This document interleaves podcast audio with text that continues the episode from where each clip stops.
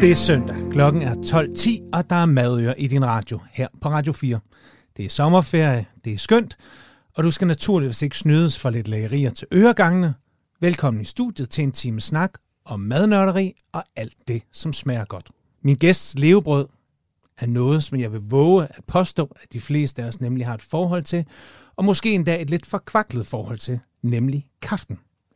Jeg elsker kaffe, men jeg indrømmer også gerne, at nogle gange er det bare et fix, jeg skal have om morgenen for at få gang i kroppen. Og så er det ikke altid, at jeg går så meget op i det der, om det er en dygtig barista, eller det er lysristet og mørkt, osv. osv. Ja, en automat kan nogle gange være fuldstændig fint for mig. Den last er min gæst i studiet i dag netop kommet for at gøre os til skamme. Jeg har nemlig besøg af Esben Piper fra kafferisteriet og brandet La Capra. Velkommen Esben. Tusind tak. I dag skal vi nørde kaffe. Og øh, det skal ikke være nogen hemmelighed, at øh, det var lidt et svært spørgsmål at spørge dig, da du kom her tidligere, da, vil du have kaffe? Men heldigvis har du selv kaffe med, så vil du ikke gøre os æren og skænke kaffe. Og så kan du eventuelt lige fortælle, hvad det er for noget kaffe, vi skal have her, inden jo. vi går i gang med vores store snak og udfolder mad for i dag. Det vil jeg da meget gerne. Jeg har taget en koldbrygget version med af en kolumbiansk kaffe.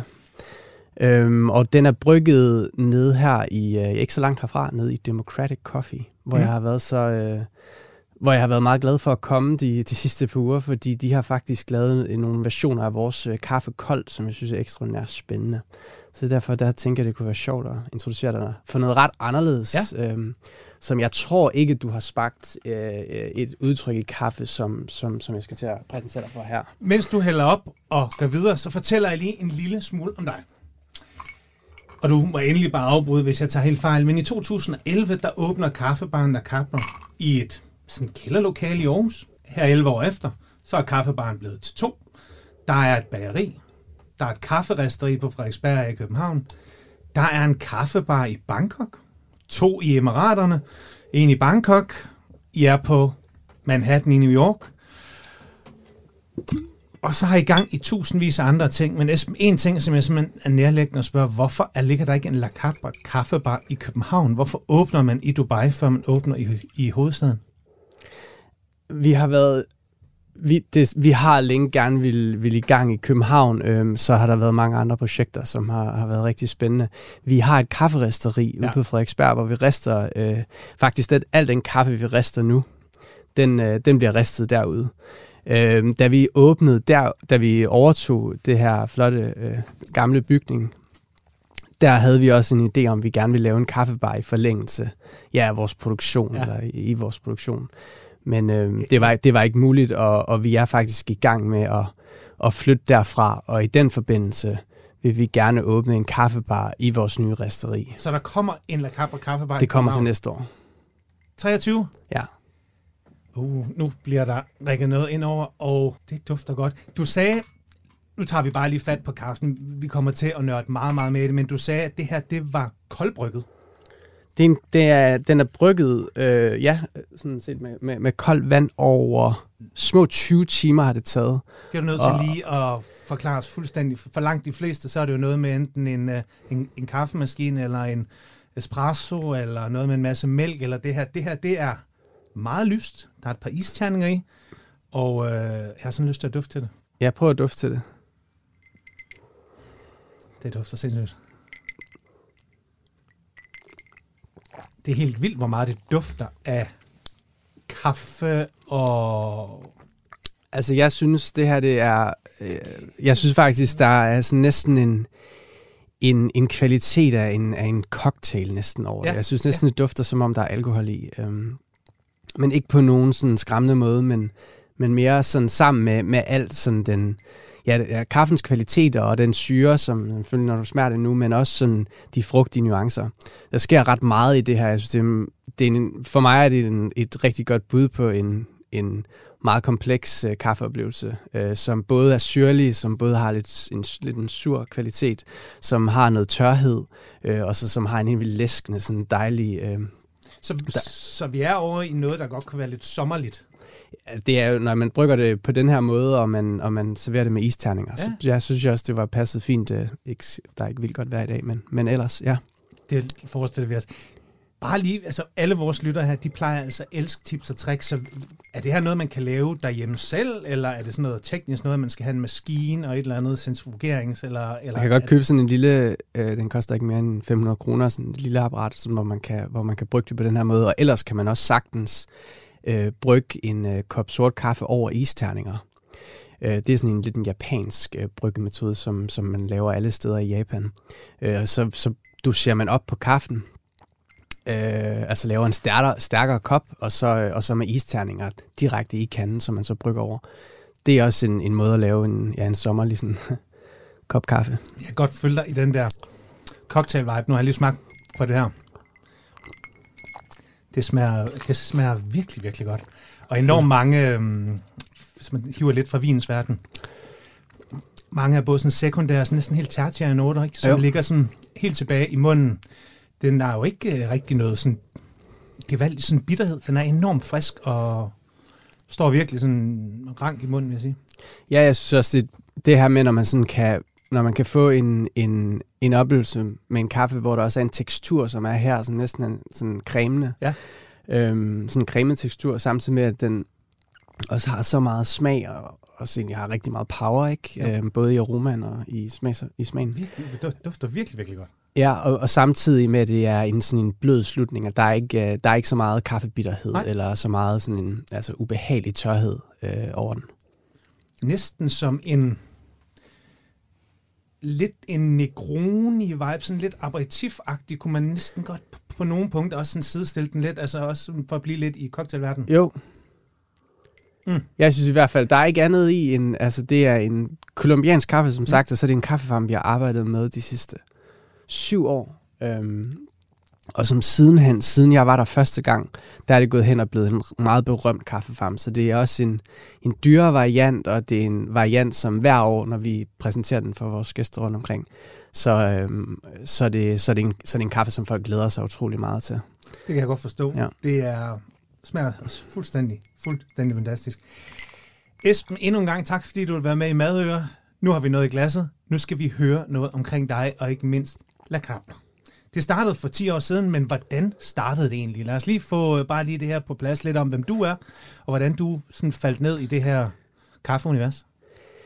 Jamen, altså det startede sådan, jeg tror det var en meget almindelig øh, ligesom måde at, at blive opslugt af et øh, fag, som, altså da jeg startede med at drikke kaffe, der var jeg faktisk, øh, altså jeg var 19, øh, 1920. Øh, jeg var ikke rigtig sådan den store kaffedrikker før, før da. Og, øhm, og jeg, jeg, jeg fik en kop kaffe, der jeg var ude at rejse, øh, som, som, som jeg synes var, var spændende. Øhm, og så, øh, så gik der ikke så lang tid efter, og så kom jeg Jamen, så kom jeg tilbage til Danmark, og så begyndte jeg at drikke kaffe på nogle gode kaffebarer rundt omkring i København og i Aarhus også. Og så mødte jeg bare nogle, nogle, nogle seje kaffenørder, som introducerede mig lige så langsomt til et øh, fag, jeg ikke kendte så meget til. Og, og så, så, så, så blev jeg opslugt af det øh, lige så langsomt. Øhm, jeg tror, der var noget sådan, der var noget over, over emnet, som tiltalte mig. Altså den her, den her ting, som, som folk, som du også startede med at sige, altså som alle folk har en holdning ja. øh, til kaffe, og de fleste mennesker, de, øh, de bruger det til daglig. Øhm, og den her kontrast, der er imellem øh, den oplevelse, jeg har med det, og den kærlighedsforhold, jeg har til kaffe, hvor jeg ligesom ser på den her næsten mirakuløse sådan, transformation af, af nogle kaffebær til den her meget livlige og spændende organiske øh, drik. Øh, og så kontrasten til det, og så den her, ja, den her ting, man bruger til at komme op om morgenen med, og man, man, man bruger til at køre langt med. Og så Bruger, man bare, bruger, bruger du den også til, til de ting stadigvæk? Det har jeg faktisk, for at være helt ærlig, det har jeg, det har jeg begyndt at gøre for nylig. Okay. Øh, men det er ikke mere end et par år siden, at jeg sådan skulle øh, bestartet med at drikke kaffe sådan som, altså om morgenen. Det er noget, jeg... Det, det, det, er, det er først noget, jeg egentlig er begyndt på nu. Øh, det ved jeg ikke om, fordi der har været, været mere arbejde. Og, øh, men, men, men, men det er faktisk noget først nu, at jeg er sådan... Altså nu drikker jeg kaffe hver morgen, men det gjorde jeg ikke for bare to-tre år siden. okay. Øhm, Hvad var det for en kop kaffe, du satte ud og rejse? Kan, kan du huske det der?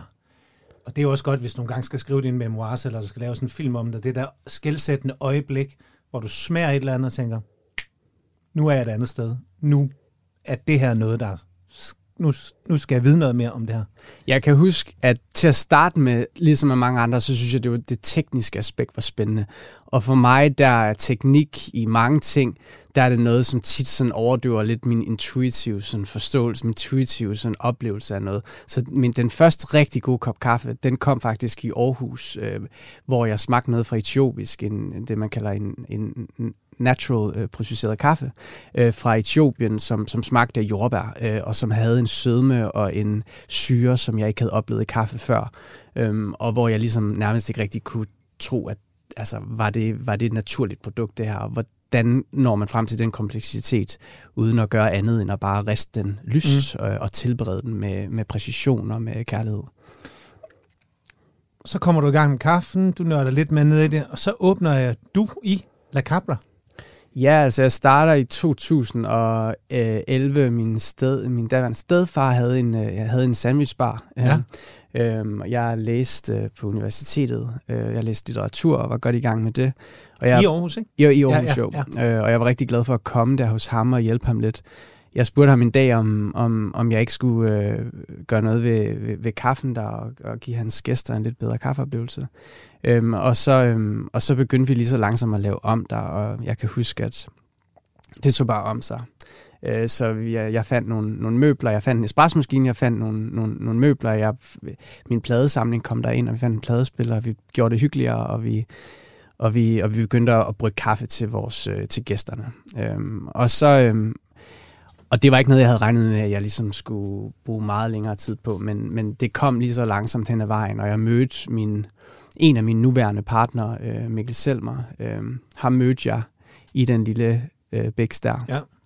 Og vi begyndte at, at snakke lidt sammen, og vi begyndte at brygge noget kaffe. Øh, og, og, og blev ligesom, ja, givet hinanden lidt op på den måde, ikke?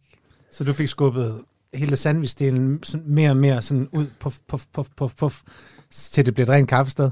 Nej, det var, der var stadigvæk, altså vi lavede stadigvæk noget mad til, ja. øh, både, øh, både noget morgenmad og noget varm mad, men, men det, var, det var først, altså det var først året efter, jeg ligesom besluttede mig for, at det her, det vil jeg gerne, øh, det vil jeg gerne investere noget mere af min tid øh, i, og jeg vil gerne se, hvor, hvordan om Aarhus ligesom var klar til en lidt anderledes oplevelse der, og der fandt vi så det her lokale Graven i Latinakvarteret, mm.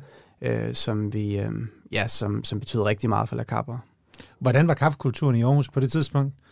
Kunne du sådan kunne I orientere jer rundt og sige, okay, der mangler det sted, det er det her, vi skal lave, eller hvor drak man kaffe hen dengang, før, før I poppede op? Det gjorde man på Sigfreds Kaffebar, som en af de første ja. øh, special kaffebar øh, overhovedet i, i, i landet, øh, som, som gjorde det fantastisk godt.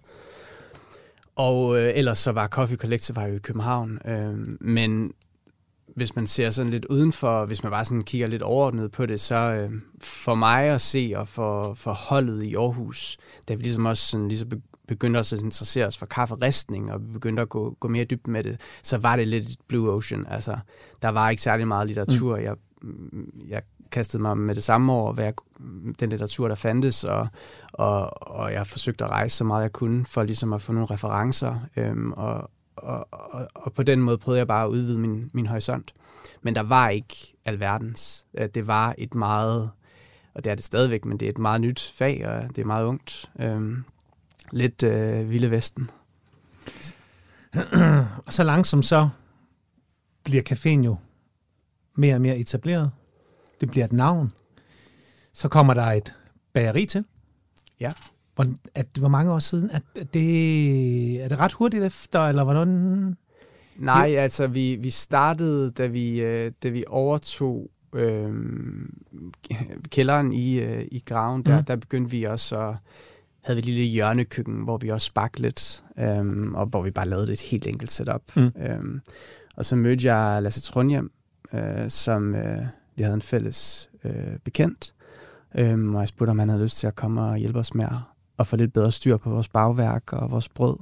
Og han tog et brød med, et styrdagsbrød med, som, øh, som, som jeg indtil da overhovedet ikke havde smagt. Øh, jeg havde ikke smagt noget lignende før.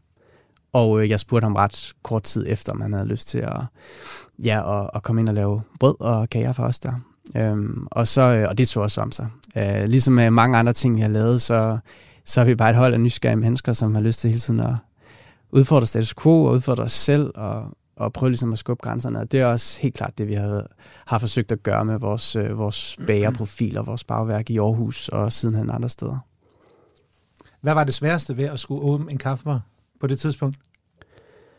Altså, jeg, øh, jeg, jeg ret hurtigt, jeg elskede, hvad jeg lavede, men jeg, jeg, jeg var også, jeg er også en, øh, en type, der ikke, øh, der ikke giver op, og jeg, jeg dedikerede al, øh, al min tid øh, mm. til projektet.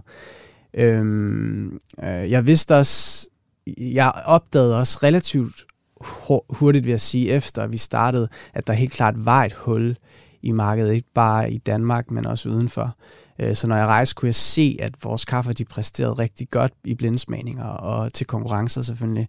Men jeg kunne se, at der var en interesse for det, som, som, som, som også gav mig blod på tanden. Mm. Så, øh, så jeg, altså, vi byggede et hold op, og det var et, et hold, som, som overordnet set bare var ekstremt nysgerrige og sultne efter, efter smagsoplevelser, efter altså ligesom at redefinere kaffe. Og mm. det var helt klart det, vi gik i gang med. Øhm, og det vil jeg stadigvæk mene er sådan, det er jeg stolt af, at Kapper har været med til at, at prøve sådan at, at uh, real language, uh, uh, at være med til at sætte nogle nye ord på i hvert fald, hvad kaffe det kan, ja. og hvor, hvor vi er på vej hen med det.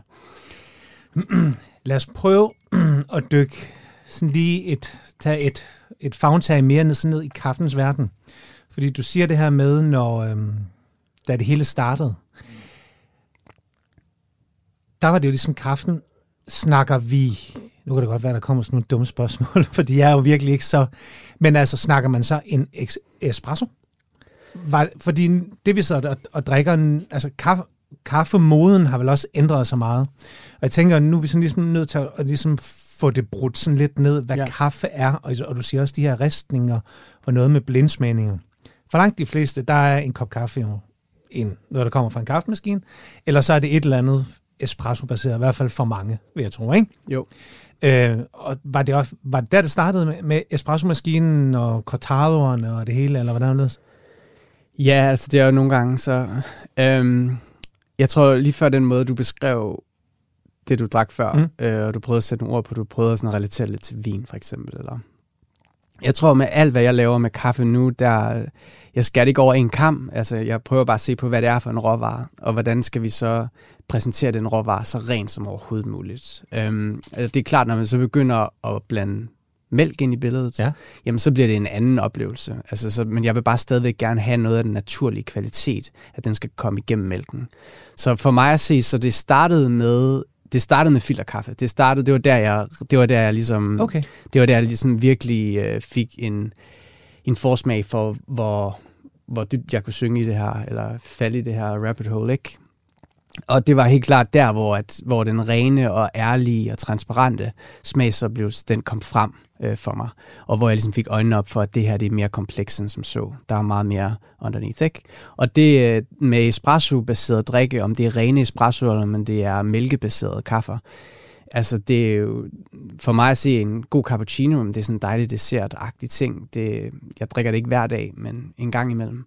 Øhm, og en ren espresso, det er ekstremt svært at balancere, men når man kan det, og når det lykkes, jamen, så er det en, kan det være en rigtig, rigtig spændende smagsoplevelse. For mig at sige, så det allervigtigste, det er bare, hvad det er for et udgangspunkt. Hvad er det for en råvare, vi har med at gøre? Hvad er det for en proces? Og hvad er det for nogle karakteristik, karakteristika, der gør sig gældende for det pågældende sted, hvor kaffen kommer fra? Når vi kan præsentere det transparent og rent igennem vores ristning og igennem vores brygning, så har vi gjort vores øh, arbejde godt og så skal vi formidle den efterfølgende, fordi det er de færreste, der tænker og oplever kaffe, som jeg gør. Men, øh, men hver dag, der oplever vi helt klart, at folk får øjnene op for, ja. at det kan noget af de samme ting, som vin kan, som, ja, som, som likør, eller som, som mm. andre sådan komplekse sådan drikkevarer. Øh, at det har mange flere niveauer end, end, end som så. Øh, og det er de niveauer, vi gerne vil dykke ned i, og det er det, vi gerne, den kærlighed, forkærlighed, vi gerne vil dele med, med folk. Prøv at tage os lidt med på den her rejse her fra kaffe, plantage til bordet. Øhm, fordi det er jo ikke en verden, som ret mange af os kender. Øhm, I har mange forskellige kaffer, I arbejder med. I har mange forskellige plantager i mange forskellige lande. Hvordan udvælger man, og kan der virkelig være så, så, så stor forskel på, på de forskellige bønder og geografiske områder osv.? Ja, altså nu, nu er jeg også, rigtig, nu er jeg også en vin, øh, rigtig glad for vin, og interesserer mig lige så meget for vin, som jeg gør for kaffe egentlig, vil jeg sige. Mm. Øh, jeg er selvfølgelig lidt mere teknisk omkring, øh, omkring mit, mit eget felt. Øhm, men, men det er for mig at sige, at det er akkurat, altså det minder så meget om hinanden, og det er, lyder som sådan en kliché? Men så vi altså, godt skil, altså, definerer det ligesom du, druesorter fuld, fuldstændig. og terroir i de Fuldstændig. forskellige. Okay. Altså, du, øh, hvis, du tager, hvis du tager til Afrika, så smager en øh, kaffe fra Burundi øh, altså ekstremt usammenligneligt anderledes, end hvis du tager til Kenya, eller tager til Etiopien, eller hvis du tager til Rwanda. Ja. Øhm, og der er terroir, øh, der er selvfølgelig, så er der forskellige varieteter, øh, ligesom med, med vin. Øh, men øh, men det, det er rigtig meget også, hvad det er for nogle, ja, hvad det er for nogle klimaer, som, som kaffen træder er, er, hvad hedder det, vokset under. Ja. Øh, hvordan øh, arbejdet efter, at bærene er blevet plukket, hvordan den er blevet processeret, øh, hvordan den er blevet fermenteret. Ja, skal vi ikke bare lige tage den hurtigt Jo. pro- processen, hvad Jo. der sker? Kaffe, det er et bær. Det er et bær, Ja. ja. så starter som en frø, og så bliver den plantet, og så, øhm, og så vokser den på træer. Øhm, og der findes altså... Man er, der, er ikke, der er ikke så mange øh, sorter, der er kategoriseret, men man mener, der findes øh, omkring 1000 forskellige kaffesorter. Øhm, øh, mange af dem findes stadigvæk øh, vildt i flere steder i Afrika. Øh, men ellers så, øh, så findes der jo 100, hundredvis af forskellige kategoriserede øh, vari- varianter og varieteter. Øhm, og øh, jamen så, øh, så hvad hedder det, bliver kaffebæret plukket, øhm, og så afhængig af, hvordan den skal fermenteres, så kan Mm. det foregå på en våd eller en tør metode. Øh, på en våd metode, jamen, der bruger man vand til at fermentere kaffen øh, Okay. i sådan nogle kar, Ja. øhm, og efterfølgende bliver den så tørret. Der får man en mere sådan ren og mere syrlig øh, karakter. I den tørre metode, jamen der efter den er blevet plukket, jamen så bliver den lagt på på sådan nogle raised beds, øhm, og, øh, og der bliver den så fermenteret under, under solen, øh, og der er jo alle mulige forskellige måder, man så kan, ja, man ligesom kan styre og kontrollere fermenteringen på. Og i sidste ende, jamen, så har vi jo så de her seeds, de her, altså øh, en kaffebøn, som man kender. som Ja. man kender. En, ja, altså det er jo sådan en grøn, øh, hvad hedder det, hår, meget hård øh, kaffebøn, Ja. og øh, den skal ristes øh, Og ved I, høje I, I temperaturer. får dem hjemme grønne. Ja, lige præcis. Umo- umodne, siger man det? Nej. Nej, det er så uristet. U- altså, uristet, Ja, øh, ja. Så det er uristede kaffebønner, øh, som skal ristes, øh, og som så afhængig af størrelsen, afhængig af fugtigheden, øh, og så videre skal den så ristes øh, lidt forskelligt. Og det er Ja. det, I er ret gode til, det med ristningerne, eller hvad? Og, eller også udvælgelsen. Der må være et eller andet. Ja, men der er, ikke, der er rigtig meget fugazi i, i lige mange andre fag, øh, og det er også det, jeg elsker ved, hvorfor jeg tit sammenligner med vin, det er, jeg elsker naturvins øh, bølgen, fordi der, der har selvfølgelig været, øh, været lidt hiphop i starten, og masser, hvad hedder det, øh, masser og lir og leg. Mm. Øhm, men, øh, men i sidste ende, så var det også med til at frigøre, hvad hedder det, branchen for, sådan, for mange konventioner, synes jeg. Ja. Og det synes jeg var rart, det blev mere demokratisk, og det blev nemmere at snakke om. Øhm, men inden for kaffebranchen, der er der også rigtig, rigtig meget øhm, lir, og der er meget teknik, og der er meget udstyr. Øhm, og vi prøver egentlig, selvom at det måske ikke lyder som sådan indtil videre, men så prøver vi egentlig at, at, at gøre det så enkelt, som vi kan, så vi bare kan præsentere nogle smukke kaffer for vores gæster, og have en samtale om, hvad det er, vi smager sammen. Øh, det er det allervigtigste for os. Øhm, så vi prøver egentlig at, at forenkle det lidt. Okay. Så hvad er din, hvad er din foretrukne kop kaffe? Det, det kan jeg overhovedet ikke. Altså min foretrukne kop kaffe er helt klart... Øhm, jamen, und, undskyld, nu startede jeg med at sige, det kan jeg ikke. For det, det, det har jeg svært ved at svare på, fordi Ja. at det er, jeg, jeg kan godt lide kaffe, der er i sæson, som er friske, fordi så har de mere sådan ekspressiv syre, øh, og så er de mere karakter. Øh, jeg kan godt lide kaffe med, med kompleksitet, som man tænker på mm. øh, dagen efter, man har drukket dem, og, og gerne vil komme tilbage til dem, for at gå på opdagelse i de lag, der er. Øhm, og så kan jeg også godt lide en komfortabel cappuccino, eller en, en cortado, som du sagde Ja. før, der, der smager sødt og, og rart. Øhm, men jeg leder da helt klart efter, når jeg har været i branchen så længe, så leder jeg jo efter de her vilde oplevelser, som, som, som gør noget ganske særligt ved mig, og som får tiden til at gå i stå. Det er helt klart det, jeg Grunden til, at jeg spørger lidt, det er jo også, fordi jeg selv er vinmand. Øhm, Og der er jo sådan en tendens, der er sådan en, en forestilling om, at man, jo ældre man bliver, bliver mere syrestyret, Ja. bliver mere forfinet. Mange siger jo sådan, sådan lidt, at man starter i Bordeaux og ender i Bourgogne. Ja. Øh, og det er egentlig bare det, jeg også tænker på, at de her helt fine, sarte, men alligevel sådan ret ekspressive og, og også syrestyrede, friske, er det mere dig end en cappuccino? Jamen, det, man kan godt lave en cappuccino på, de første, ka- på Okay. den første kaffe. Og så kan man jo faktisk få en syredreven og frisk og aromatisk cappuccino ud af det. Det gør man sjældent, og det er ret sjældent, man ser det i København. Det bliver hovedsageligt, eller meget ofte, så bliver, bliver det brygget på en, ja, på en, en mellemamerikansk eller en sød brasiliansk kaffe, som er nødet og chokoladeagtig, hvilket kan være ekstremt lækkert. Men man kan også sagtens det andet, så der er ikke rigtig nogen grænser for det der. Og jeg vil sige, ligesom når folk spørger om, om på en vinbar, om jeg kan lide noget rødt, eller noget hvidt, eller Ja. noget orange, det, jeg kan lide alt. Ja. Altså, hvis det har karakter, og det har, det har en DNA, som jeg synes er spændende, ja. og hvis, øh, hvis der er noget på spil, så, så kan jeg sådan set sådan, så kan jeg forelske mig i det meste på den måde. Så jeg er ikke... Øh, og det er akkurat det samme med kaffe. Det, jeg kan godt nogle gange blive overrasket over en profil, som er ekstremt, som er udtalt tør, men stadigvæk har noget syre ind bag sig, som ligesom er med til at løfte op. Øh, eller, en, eller, en, eller en kaffe, som, ja, som er mærkelig og smager ekstremt fermenteret. Det kan jeg også nogle gange godt lide. Det, det, det, skal, det skal have en kvalitet, og det kan nogle gange godt være svært, at sætte ord på. Øh, og det kan også være en subjektiv ting, men, men når man har smagt sådan relativt meget, som jeg har, så jeg sådan, føler, at jeg har en rimelig god intuitiv forståelse for, hvad det er for en kvalitet, jeg godt kan lide, og hvordan jeg sætter pris på en, ja, på en kaffe. Og er det dig, der i sidste ende tager valget på kafferne og ristningerne, hvad der skal videre, og hvad vi skal satse på, eller hvad? Nej, det, det gør jeg stort set ikke øh, længere. Jeg, jeg er med til vores øh, kvalitetsmeninger indimellem, men ikke på ugenlig basis. Øh, vores resteri laver ugenlige øh, altså smagninger Mm. øh, og kvalitetskontrol, meget omhyggeligt.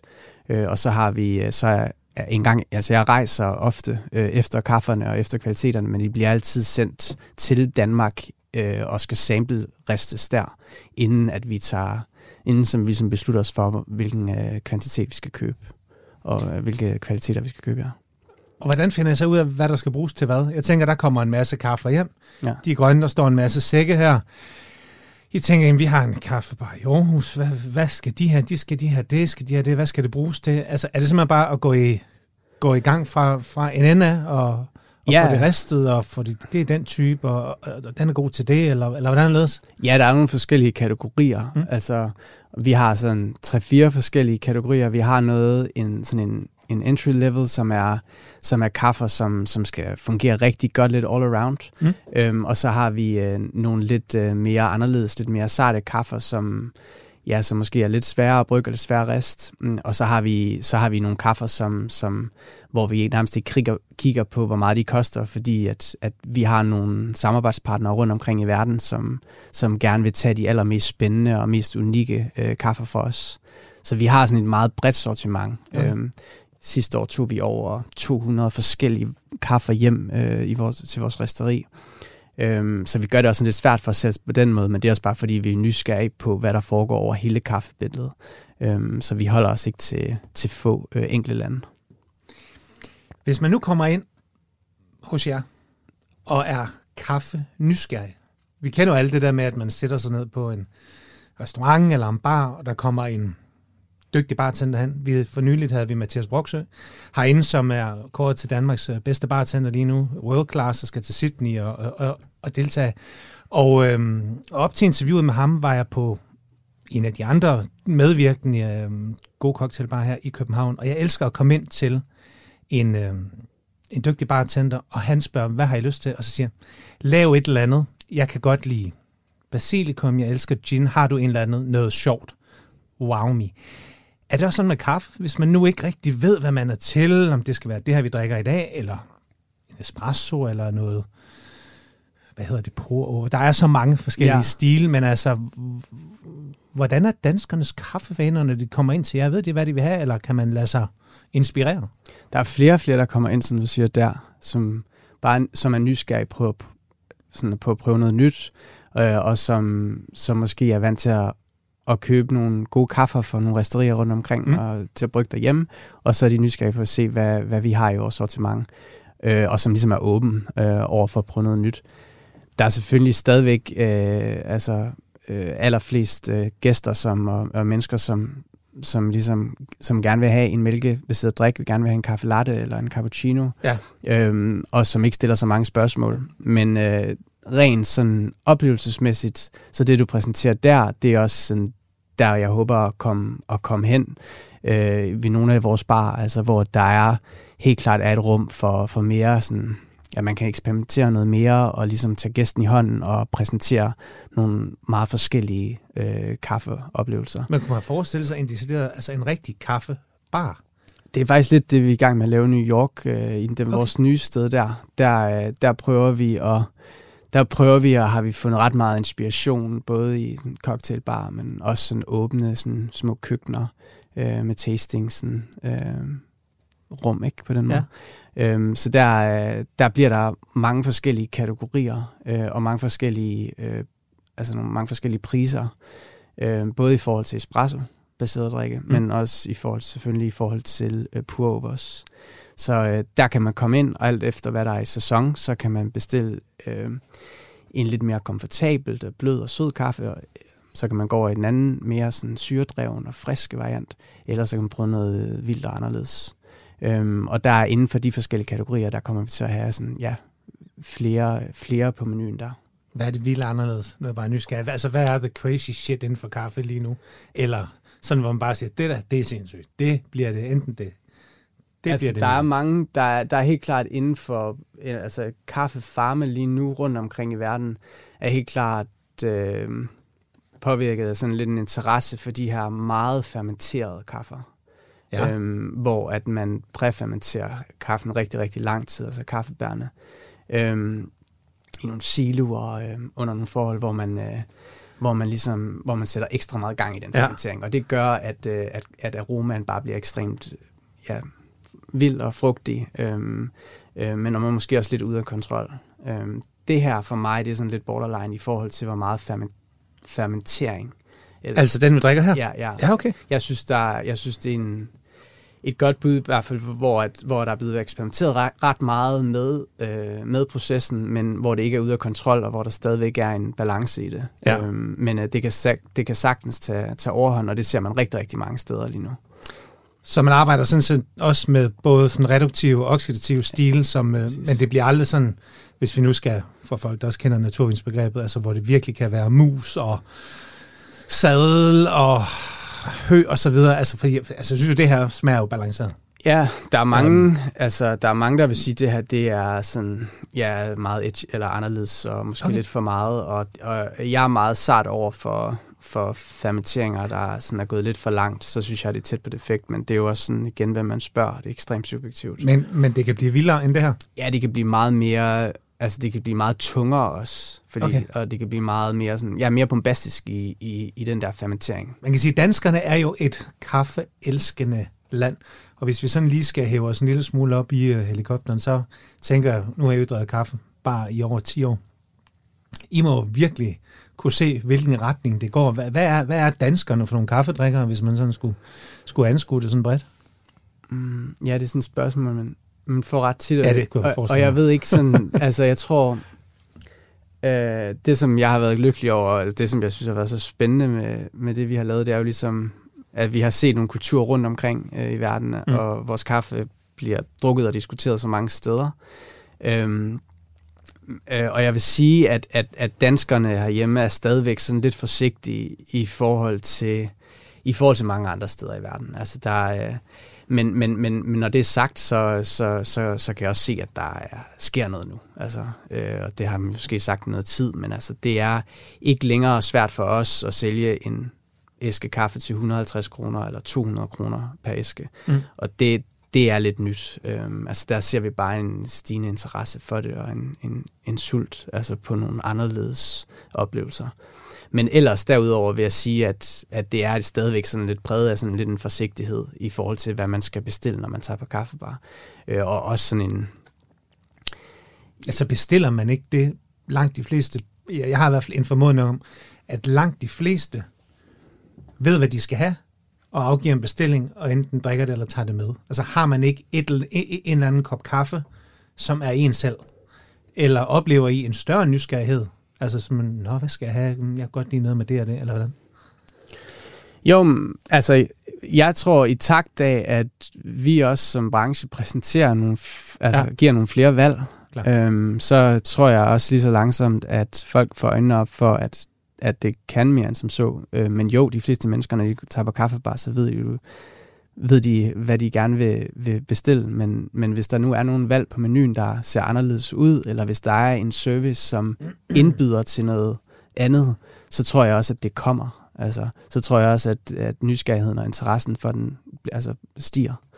Øhm, jeg synes stadigvæk, at det er en, samtidig med, at det er jo svært at sige, at kaffe er undervurderet, øhm, af, alle de, af, af, af så mange grunde, mm. så det er svært at sige, at det er en undervurderet ting, men, men jeg synes faktisk, det er stadigvæk, at at, øh, at man kan tale om, det stadigvæk er på et meget tidligt stadie i forhold til, hvad vi sådan ligesom har hvad vi ligesom har opdaget af, okay. af sensoriske kvaliteter. Um, det, jeg tror, det kommer til at ske ekstremt meget over de næste, over de næste 5-10 år. Det er jo ikke, øh, altså det er jo ikke, det er ikke mange år siden, at, at ja, Starbucks de begyndte at, sådan at aktivere, øh, hvad hedder det, øh, nabo, øh, altså øh, områder rundt omkring i verden ved at lave kaffebarer og få folk til at, at drikke kaffe uden for deres hjem. Øhm, og, og så er der jo bare sket rigtig meget siden. Øhm. Nu, nu siger du så Starbucks, jeg har det faktisk stående her foran mig. Hvad øh, tænker du om sådan en gigant? Altså er det sådan fjenden med alle deres mocha, latte, foamy, caramello, alt muligt, eller eller er der også plads til dem? Ja, det er jo, så, det er jo altid, nogle gange bliver det lidt sort-hvidt på den måde. Det er, vi laver bare nogle meget, vi laver nogle meget forskellige ting, og mm. de fleste herhjemme, og de fleste sådan resterier, som, som er åbnet op over de sidste jamen, 10-15 år, altså de, de, de har en lidt anderledes tilgang til, ja, til, til både til, til kaffe, altså til det sensoriske aspekt i det, ja. øh, og i forhold til selvfølgelig i forhold til at lave en kaffe, til at lave kaffebar. Øhm, så jo, der, der er ret mange, der er ret meget, øh, hvad kan man sige, øh, øh, støj, øh, som gør, at det er måske lidt svært at, at snakke om den rene råvare mange steder. Øh, og det er helt klart det, vi prøver at komme ind til. Vi prøver at komme ind til kernen. Øh, så derfor så gør vi det selvfølgelig noget anderledes end mange af de større kæder. Helt overordnet, hvordan har du selv med, med mælk i kaffe? Drikker vi for meget mælk? Bruger vi for meget mælk i vores kaffe? Slører det? Jamen, altså det handler jo det handler om, det vil jo være, for mig så vil det være en, en mærkelig ting at komme mælk i en kaffe som den her. Øhm, men Hvad er det hvis, i bund og grund mælk godt, godt for kaffe? Nå, men altså den er jo, afstemmer jo bare bitterheden, ja. øh, fordi at det bliver en sødere kop, øh, så jeg bruger selv mælk øh, i rigtig, rigtig mange steder, når jeg rejser, og jeg ved, at det ikke er en, en, en kaffe, som jeg bryder mig vildt meget om, så kommer jeg mælk i, og så kan jeg godt lide det. Så det jo, gør jo bare, at det bliver en lidt sødere øh, oplevelse. Så, men når, når, når, når det er lysristet kaffe med, med al den kompleksitet, der kan være i lysristet ja. kaffe, jamen så går det ind og slører på en måde, der ikke, øh, altså det giver bare ikke rigtig nogen mening, fordi så bliver det simpelthen bare for, ja, for, for uinteressant. Ja. Så er det rigtigt forstået, når vi lysrister, så bevarer vi mange af de her frugtige aromaer, og de mørke bliver mere tunge, og, eller hvordan er det? Jeg har egentlig sådan i lang tid har jeg egentlig bare sagt, når vi lysrister, så, så prøver vi egentlig bare og jamen, at præsentere den, de kvaliteter, der er i, i kaffen. En lysristet kaffe kan også sagtens være bombastisk, kan også sagtens være bitter øh, og rund og blød. Ja. Øhm, den kan også være frugtig og syrlig, men det afhænger af, hvor kaffen kommer fra, hvad det er for et, et udgangspunkt, hvad det er for en råvare. Så øh, vi har også kaffer i vores øh, sortiment, som er mere bitre, øh, og som har mere sådan fylde. Øh, men vi har også alt det andet. Øh, så vi vil bare ikke skjule den her naturlige kvalitet ved at riste for, for mørkt. Jeg har læst i et interview med dig, inden det her, et sted, hvor du udtalte, at det er en illusion at tro, at der er en kaffe, som er god til stempelkanden, mens andre er gode til filter eller espresso. Altså, det, jeg vil sige, det er sådan lidt et wake-up call for mig. Jeg troede netop, at der var nogen, om det hedder Robusta og Arabica, og, altså, at der er noget, man kun bruger til den ene, og noget, man bruger til den anden. Men er det øh, Ja, det er, en, det er sådan set bare en skrøne for at gøre det nemmere for, for forbrugeren i sidste ende, og sådan at navigere rundt i det. Øhm, og det er, det er der masser af årsager til, men altså, det giver ikke nogen mening. Det, det, der er ikke nogen kaffer som sådan. Altså, det kommer jo an på, hvad du... Altså, det kommer jo an på, igen, din præference, hvad du godt kan lide. Øhm, en espresso kan sagtens være rund og blød. Mm. Den kan også godt være syrlig og sur. Altså, og en sur kvalitet og en syrlig kvalitet kan være god eller dårlig, ligesom inden for vin og ligesom inden for mad. Øhm, så det er igen, så handler det om, hvad det er for en råvarer, du arbejder med, og hvad for nogle præferencer, du har til smag. Mm. Øh, selve bryg, brygmetoden er ekstremt overvurderet. Øh, den betyder ikke sådan det helt store. Altså. Øhm, det, det afhænger af, at du, altså, du skal have noget rent, blødt vand, øh, og du skal have nogle, en kaffe af høj kvalitet, så kan du lave en rigtig spændende kop kaffe. Jeg tror, du ødelægger noget for rigtig, rigtig mange udstyrs, øh, især mænd, som drømmer om en sådan en stor Lamazoco, øh, hvad hedder det, espresso-maskine til 30-40.000 ja. hjemme i deres køkken. Øh, det er slet ikke nødvendigt, eller hvad? Nej, det er det ikke rigtigt. Altså, det, du kan sagtens, du kan, du kan sagtens få, altså du kan få en bedre og mere sådan stabil kaffebrygning derhjemme med en dyr espresso-maskine, men i sidste ende, så er det en, en, en cooker, altså, så, så, hvad hedder det, så er det en meget, en meget rimelig enkel sådan, teknik. Øh, og, og, og jeg, jeg vil sige, at, at man er selvfølgelig, man er, over tiden har man jo, har man jo forbedret de her maskiner, så kaffekværnen er blevet mere præcise, de er blevet hurtigere. Øhm, og, øhm, og størrelsen på partiklerne, øh, på kaffepartiklerne, når man kværner, er blevet mere ensartet, og så får du en mere ensartet brygning. Mm. Øhm, og der er masser af teknik der, der er masser, øh, ja, masser af videnskab, der er, blevet, der er ligesom er blevet øh, forfinet, udviklet, forfinet og udviklet ja. over tiden. Mm. Men, øh, men i sidste ende, så, så er det sådan lidt en, en det er lidt en, en skrøne, at, øh, at man skal bruge rigtig meget, mange penge og, og, og meget tid øh, egentlig også øh, på sådan at, at finjustere sit setup derhjemme. Altså. Okay, så nu får du en lille udfordring her. Nu må du godt være super duper konkret. Så siger vi lige til alle dem derude, der drømmer om det, nu skrotter vi espressomaskinen lige for en stund.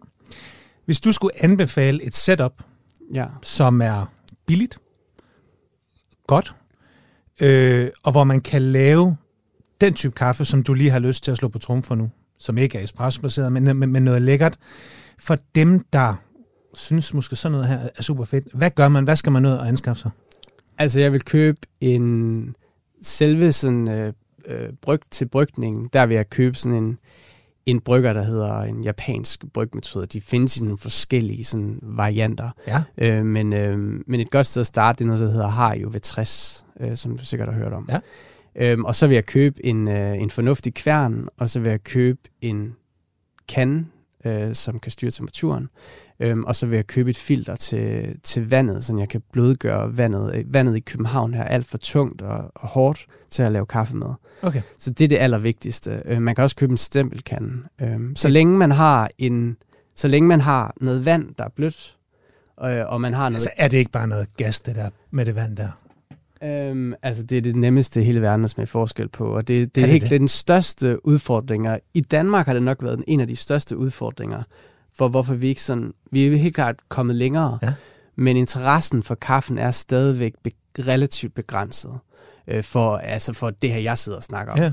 Og det er, for mig at se, er det helt klart på grund af vandet. Øhm, og det er fordi, at ligesom når man laver alle mulige andre ting, om du laver whisky eller rom, eller mm hvis du går ind med øh, 98,5 procent af en kop kaffe af vand, og hvis det har en hård, hvis der er for mange mineraler, hvis der er for meget kalk, for meget magnesium og generelt mange andre ting, så bliver det simpelthen, øh, så bliver det, den naturlige kvalitet bliver fuldstændig sløret.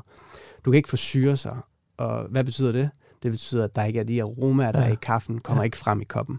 Så hvis jeg bryggede to kopper kaffe til dig nu her med en hårdhed fra, fra hanen her ja. i København, og jeg tog det vand med, som, øh, som, som jeg havde lavet, og som jeg havde øh, blødgjort, så vil du ikke tro, det var samme kopper. Så du tror jeg snød, snød dig. Seriøst? Ja. Det har jeg gjort tusind gange før. Ej, det er sjovt. Ja. Men det, det er også sådan, det er også den, nu, det er helt klart sådan en helt en anden ting, som også er en kæmpe udfordring, fordi det er ikke et problem i Norge, så hvis du tager til Oslo og drikker kaffe der, så smager kaffe det bare meget mere spændende, og de smager meget mere åbne, og de er ikke slørede.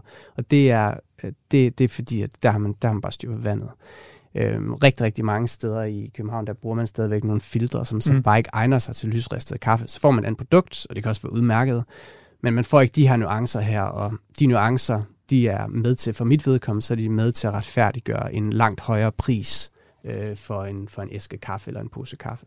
Jeg husker en gang, man sagde, at øh, hvis man nørder pizza, så er der den her helt specielle stil i New York, ikke? Det er virkelig den her tynde New York-style pizza, ikke? Som netop vist hvis nok tilskrives lige præcis den vandtype, der er i New York. Øh, og derfor vil vi aldrig kunne lave den type pizza i København. Om det er rigtigt, eller det skal jeg ikke kunne sige, men, øh, men der tilskriver man netop også vandet en kæmpe stor øh, funktion, evne. Ja, jeg tror, altså jeg har altid været med alt, hvad vi laver i La Capra nu, om det er bagværk, om det er croissanter, om det er brød, eller om det er nye opskrifter til vores kaffebrygning, øh, generelt kvalitetskontrol, når vi ligesom udvælger kaffe, så er jeg sådan en virkelig no bullshit kind of guy. Øh, og den måde, vi altid gør det på, det har altid bare været blindsmagning, blindsmagning, ja. blindsmagning. Frem, altså gøre det sammen med holdet og, og ligesom have en, blive bedre til sådan indbyrdes øh, og, og være mere kalibreret, så vi er klar over, hvad det er, vi, hvad det er, vi går efter. Men, men blindsmænding er altid med til at hjælpe, mm. øh, hjælpe os med at finde den rigtige vej. Altså. Esben, tiden går. Det her det er jo et madøre på Radio 4. Det er hver søndag kl. 12.10. Jeg hedder Mikkel og har Esben Piber med fra kaffebaren La Capra, eller kaffebrandet La Capra, fordi I er ikke kun i Aarhus, I er i New York, og I er i Emiraterne osv. En af de ting, mine gæster altid får lov til, det er at medbringe en råvare, der betyder noget for dem. Det kan være noget drikke, det kan være noget spiseligt, det kan bare være et eller andet, der er i sæson, som man bare ikke kan komme udenom. Og Esben, ja, selvfølgelig, du har haft kaffe med, og tusind tak for det, kæmpe oplevelse. Men øh, hvad har du taget med i dag, som vi skal snakke om? Jeg har taget en aprikos med. Og det... Den ser man altså ikke så tit. Nej. Det kan jeg så bare lige konstatere, om der ligger tre flotte aprikoser her på bordet foran os. Og øh, hvorfor aprikos? Jeg var i Paris i sidste uge, øhm, og var rundt og, og besøgte nogle af vores kunder, og besøgte nogle, og besøgte nogle bagerier der, øh, og var på nogle dejlige restauranter. Og der, jeg var faktisk ikke helt klar, men jo, det var i det, øh, aprikoser sæson. Og der fik jeg, der fik jeg bare nogle helt vildt dejlige sådan, øh, kager og, og, og nogle forskellige desserter lavet på aprikos.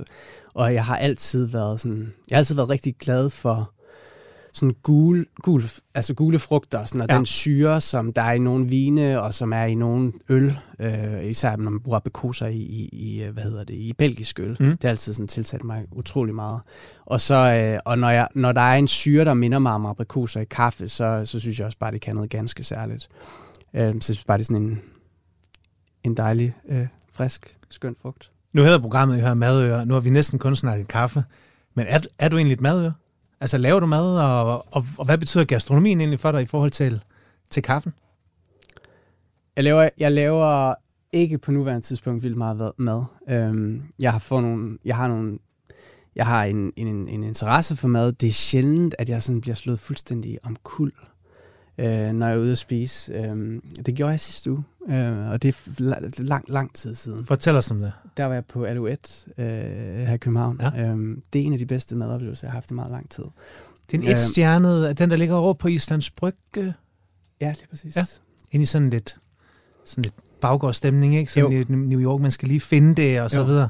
Okay. Jeg tror, men jeg tror, det er mere sådan, jeg kan helt godt lide, øh, jeg kan lige godt lide de enkelte ting, så en rigtig god pasta i, i, Italien, eller, eller sådan et, et stort, smukt bord med en masse fine øh, skinker og en masse gode ost, og sådan, det er også, og noget godt brød. Altså, det er meget enkelt for mig. Jeg kan godt lide de sådan, jo, altså, jeg har været så heldig, at jeg har rejst meget, så, så nogle gange så har jeg en periode på et år eller to, hvor jeg synes, det er vildt spændende at gå op i ramen. Øhm, ja. Og så besøger jeg alle de ramenbar, jeg kan, når jeg er ude at rejse, og så prøver jeg at finde det allerbedste.